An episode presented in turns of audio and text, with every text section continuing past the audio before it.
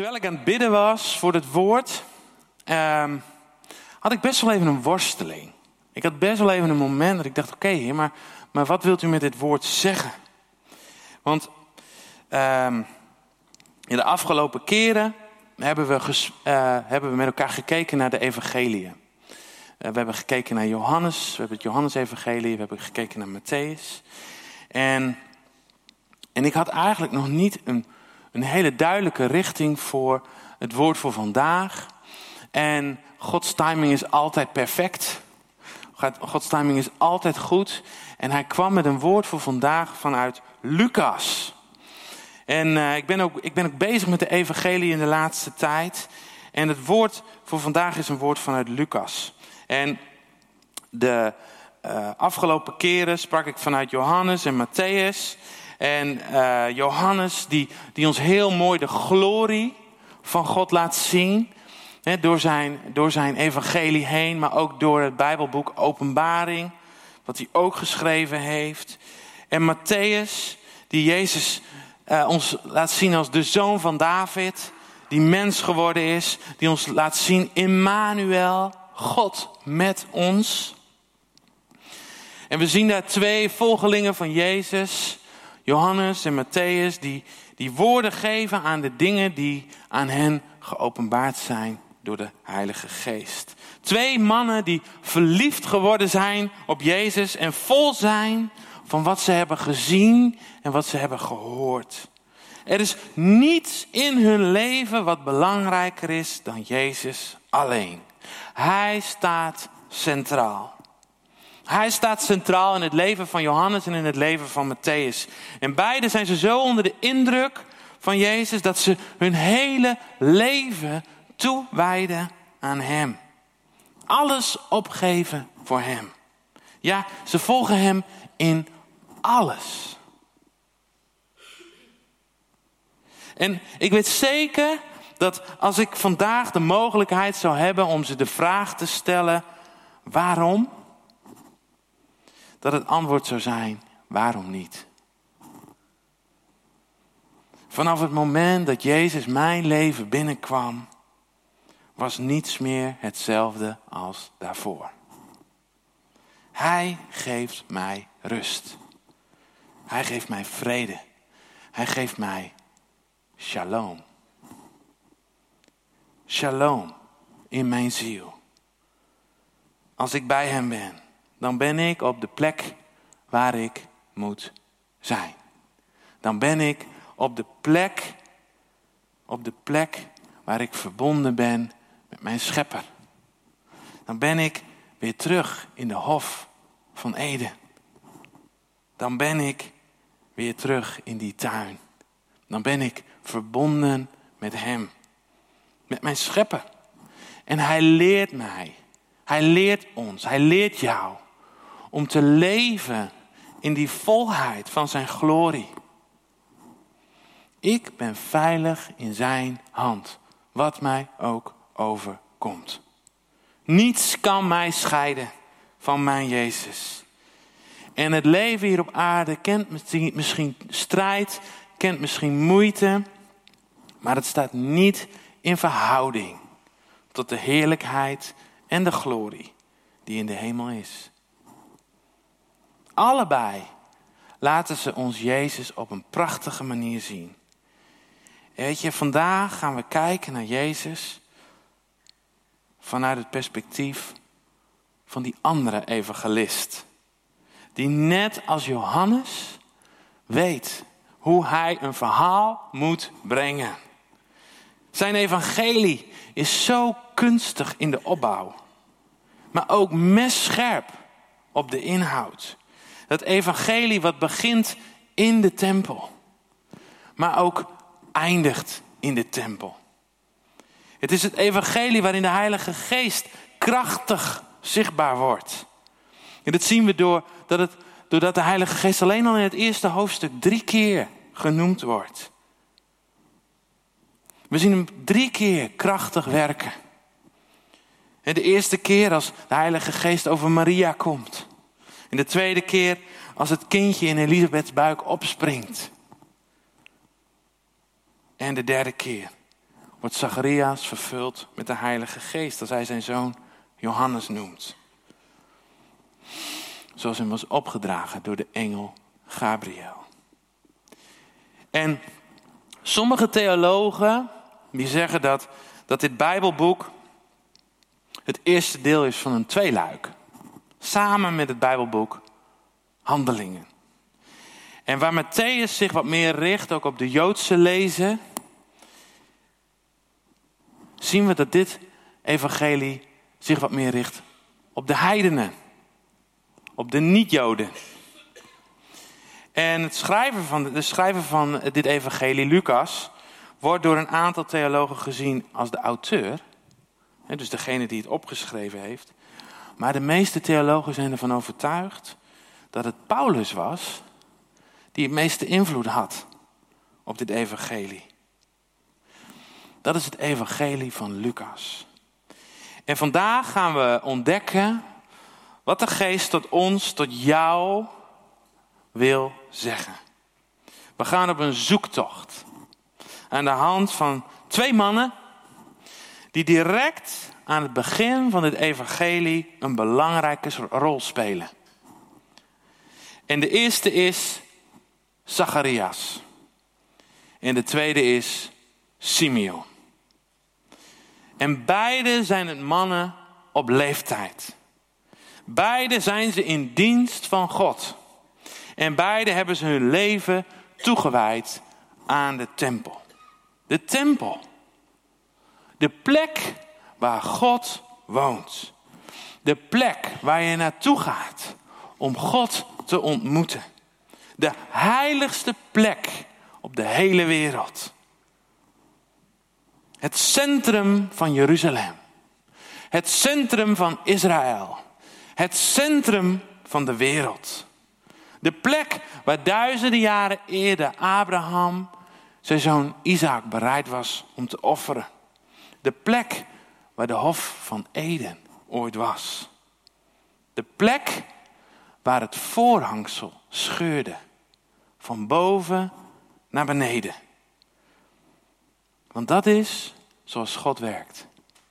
Zoals het is in de hemel, zo zal het zijn hier op aarde.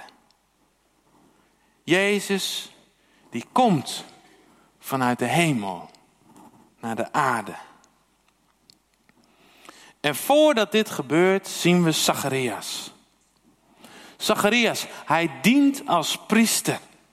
En hij wordt door het lot uitgekozen om een reukoffer te brengen in de tempel. En terwijl de menigte daar buiten staat te wachten, duizenden mensen,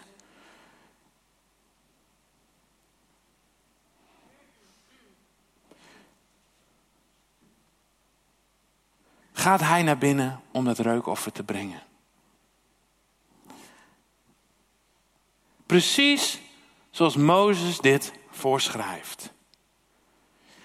En dan staat hij daar opeens, oog in oog, met de engel Gabriel. Wow, dit had hij niet verwacht. Dit had niemand verwacht. Want er is in geen 400 jaar, geen 400 jaar, een profeet opgestaan waardoor God gesproken heeft. 400 jaar. Net zo lang als dat het volk Israël in Egypte onderdrukt werd. Het land was bezet gebied. Het was onderdeel geworden van het Romeinse Rijk. En God lijkt verder weg dan ooit. En het enige, het enige waar het volk Israël zich nog aan vast kan houden, dat zijn de rituelen. Het zijn de wetten die ze mochten uitvoeren met toestemming van de Romeinse keizer. En misschien, misschien als je hier vanmorgen zit of als je kijkt, misschien is het ook wel herkenbaar voor jou. Je leeft je leven van dag tot dag. Je hebt je rituelen. Je hebt je gewoontes. Dingen waar je aan vasthoudt. Misschien zijn het wel herinneringen aan een tijd dat God grote dingen deed. Grote dingen deed in jouw leven. Grote dingen deed in de gemeente. Grote dingen deed in ons land. De kerken die nog vol zaten. Dat de geest krachtig tot jou persoonlijk sprak. Dat elke regel in de Bijbel een persoonlijke boodschap voor je was, rechtstreeks vanuit de hemel. Maar dat lijkt lang geleden. En Zacharias, opeens staat hij oog in oog met de engel. En niet zomaar een engel, nee, met een van de belangrijkste engelen van God. De engel Gabriel heeft een boodschap van God zelf voor Zacharias. En wat zegt de engel Gabriel tegen Zacharias? Wees niet bevreesd, Zacharias, want uw gebed is verhoord. En uw vrouw Elisabeth zal u een zoon baren en u zult hem de naam Johannes geven. En er zal blijdschap en vreugde voor u zijn. En velen zullen zich over zijn geboorte verblijden. Want hij zal groot zijn voor de Heer. Geen wijn en geen sterke drank zal hij drinken. En hij zal al van de moederschoot af aan met de Heilige Geest vervuld worden. En hij zal velen van de Israëlieten bekeren tot de, e- tot de Heere hun God. En hij zal voor hen uitgaan in de geest en de kracht van Elia. Om het hart van de vaderen te bekeren tot de kinderen. En de ongehoorzamen tot de bedachtzaamheid van de rechtvaardigen. Om voor de Heere een toegerust volk gereed te maken. Wow. Daar sta je dan. Wat een krachtige belofte ontving Zacharias daar op de heiligste plek. Maar de teleurstelling, de teleurstelling heeft zijn tol geëist bij Zacharias. En er is ongeloof in het hart van Zacharias gekomen. De hoop en de verwachting dat God nog zou gaan spreken. Nog zou omzien naar zijn volk. Laat staan dat hij hem nog een zoon zou geven. Is al lang vervlogen. En God zegt tegen hem: Houd jij maar een tijdje je mond. Met je ongeloof. Ik hou van je. En je zult zien wat ik ga doen voor mijn volk door jou heen. Maar tot die tijd wil ik dat je je mond houdt. Wacht maar af wat ik ga doen. Je zult, je zult het wel zien als het in vervulling gaat. Weet je, bij Zacharias lijkt alles aan de buitenkant te kloppen. Hij is priester. Er staat hij is rechtvaardig voor God. Hij wandelt onberispelijk volgens alle regels van de Heer. En toch was er geloof geroofd in het proces. Je kan rechtvaardig voor God wandelen en toch kan er ongeloof je leven binnenkomen. Je kunt je leven leven volgens de verordeningen en regels van God. Maar je hart is ongeloof. Je hart is bezet gebied geworden. En de hoop en de verwachting dat God zichzelf nog laat zien. Dat Hij nog werkt, lijkt verder weg dan ooit. En dan verschijnt er een engel van de Heer. Die tegen mij zegt dat God op het punt staat om in te grijpen. En dan nog geloof ik het niet. Wow. En dan is daar die andere man. Simeon. Zijn naam is Simeon. En wat weten we van hem? De Bijbel vertelt niet veel over hem. En ook in de geschiedenisboeken is eigenlijk niet heel veel over hem te vinden. Maar er zijn theologen die zeggen, ja, dat zou kunnen dat het hier gaat over Simeon ben Hillel. Spreek ik het goed uit zo? Hillel. De vader van Gamaliel. En Gamaliel is de rabbijn van Paulus. En daarom is het ook best aannemelijk dat dit verhaal in Lucas staat. En dat het dus bij hem bekend was. En Gamaliel is ook de rabbijn die opstaat in het Sanhedrin. En voorkomt dat de apostelen te dood gebracht worden. En van hem wordt ook gezegd dat hij later tot bekering gekomen is. En deze Simeon zou dus zijn vader kunnen zijn. En wat we wel weten is dat hij net als Zacharias een oude man is. En ook wordt er van hem gezegd dat hij rechtvaardig en godvrezend is. En hij leefde, net als Zacharias, in dezelfde tijd onder die druk van de Romeinse bezetter. Niet vrij, maar gevangen. En Simeon wordt net als Zacharias naar de tempel geleid. Zacharias door het lot en Simeon door de geest. Maar ze komen beide op de plek waar God ze wil hebben. En Simeon, Simeon heeft een woord van de Heer gehad. Een profetisch woord. En dat staat in Lucas 2. Er staat, en hem was een goddelijke openbaring gegeven door de Heilige Geest. Dat hij de dood niet zien zou, voordat hij de gezalfde van de Heere zou zien. Hij zou niet sterven voordat hij Jezus heeft gezien. Yes, Simon, vol van de Heilige Geest, houdt ondanks zijn omstandigheden vast aan dat profetische woord. De belofte dat hij nog voor één keer oog in oog staat met Jezus. Dat hij getuige is van de belofte van God voor alle mensen. Immanuel, God met ons. Maar dat is niet het enige. Dat is niet het enige wat de geest hem openbaart. Als Jozef en Maria en Jezus in de tempel komen. Op datzelfde moment als Simeon daar ook komt. Dan spreekt hij de openbaring uit die hij van de Heilige Geest heeft ontvangen.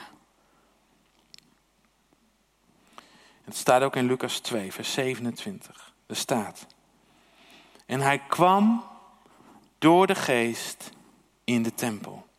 En toen de ouders het kind Jezus binnenbrachten om met hem te doen volgens de gewoonte van de wet, nam hij het in zijn armen, loofde God en zei: Nu laat uw Heere uw dienstknecht gaan in vrede volgens uw woord. Want mijn ogen hebben uw zaligheid gezien, die u bereid hebt voor de ogen van alle volken. Een licht om de heidenen te verlichten en om uw volk Israël te verheerlijken. En Jozef en zijn moeder verwonderden zich over wat er over hem gezegd werd. En Simeon zegende hen en zei tegen Maria, zijn moeder, zie, dit kind is bestemd tot val en opstanding van velen in Israël en tot een teken dat tegengesproken zal worden. Ook door uw eigen ziel zal een zwaard gaan, opdat de overwegingen uit veel harten openbaar worden. Wow. Zaligheid voor de volken. Licht voor de heidenen. Verheerlijking voor Israël. En een teken dat tegengesproken zal worden, opdat de overwegingen uit vele harten openbaar zullen worden.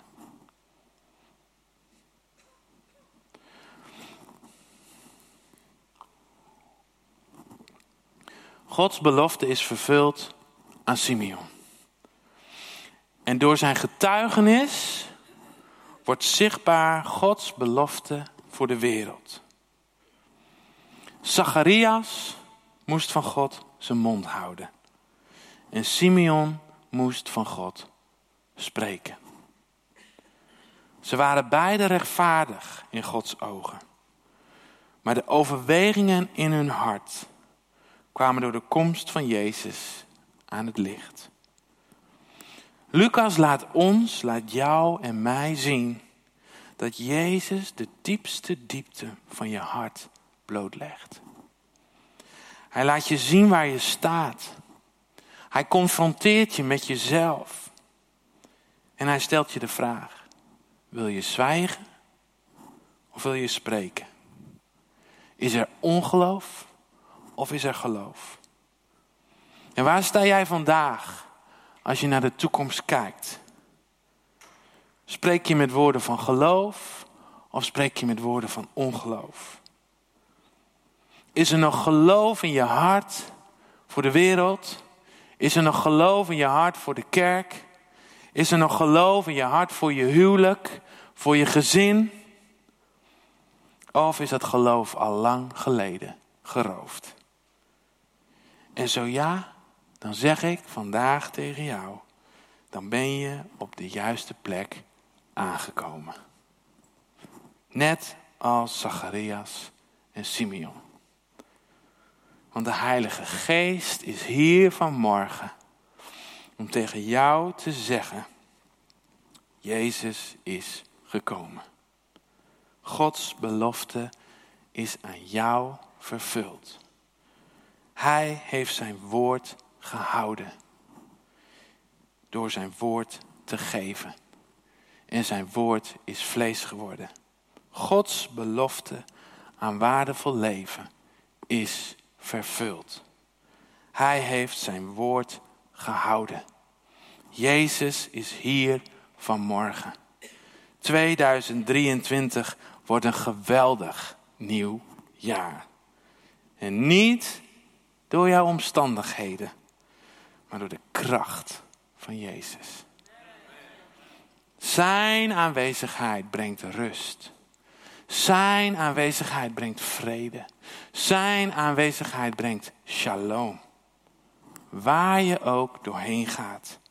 Inflatie, ziekte, ja zelfs de dood heeft hij overwonnen. In het evangelie van Lucas laat je zien dat je 2023 in kunt gaan met geloof. Met de zekerheid dat God zijn belofte vervult. En dat hij ingrijpt op het moment dat hij ingrijpt. Hij is God. En in hem is alles vervuld. Niets gaat buiten hem om. Hij ziet de priester Zacharias. Hij ziet de profeet Simeon. En hij komt met zijn shalom. Met zijn hemelse vrede.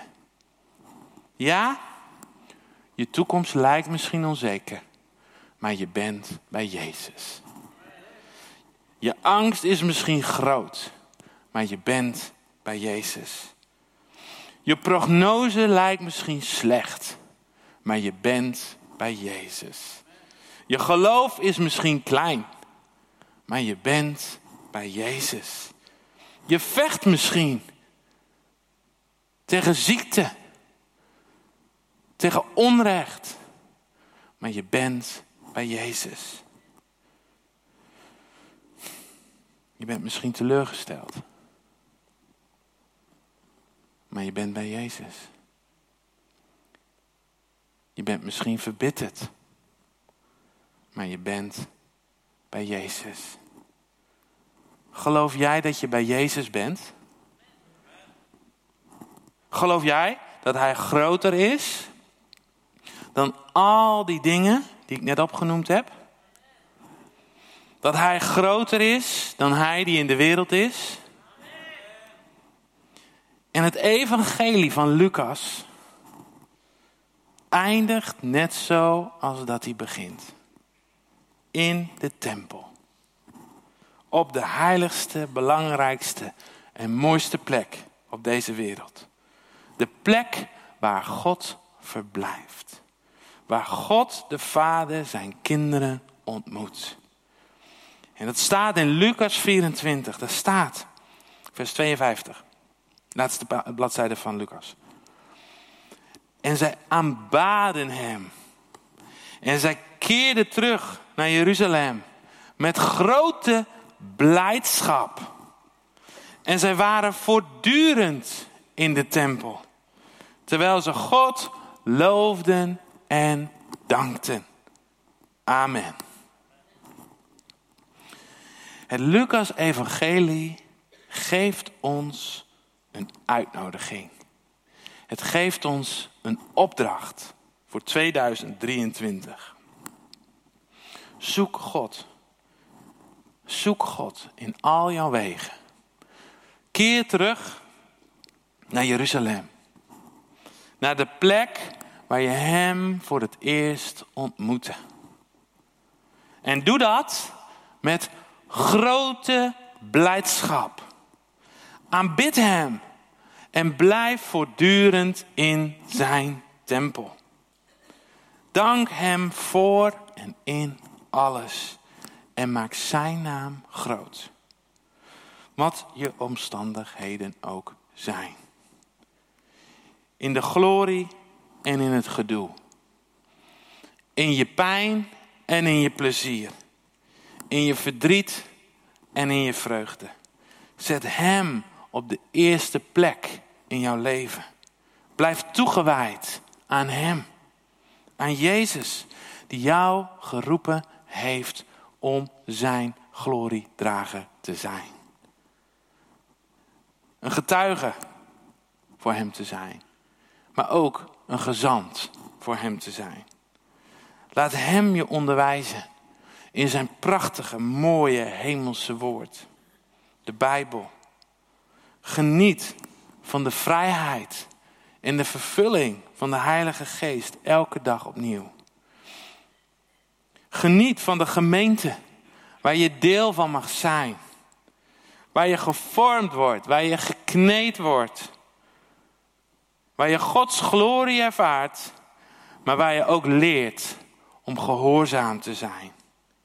Waar Gods waarheid klinkt en waar Gods liefde lekt. Waar je antwoorden mag vinden, maar waar je ook vragen mag stellen. Waar je broers en zussen samen zoeken naar een leven zoals God het bedoeld heeft.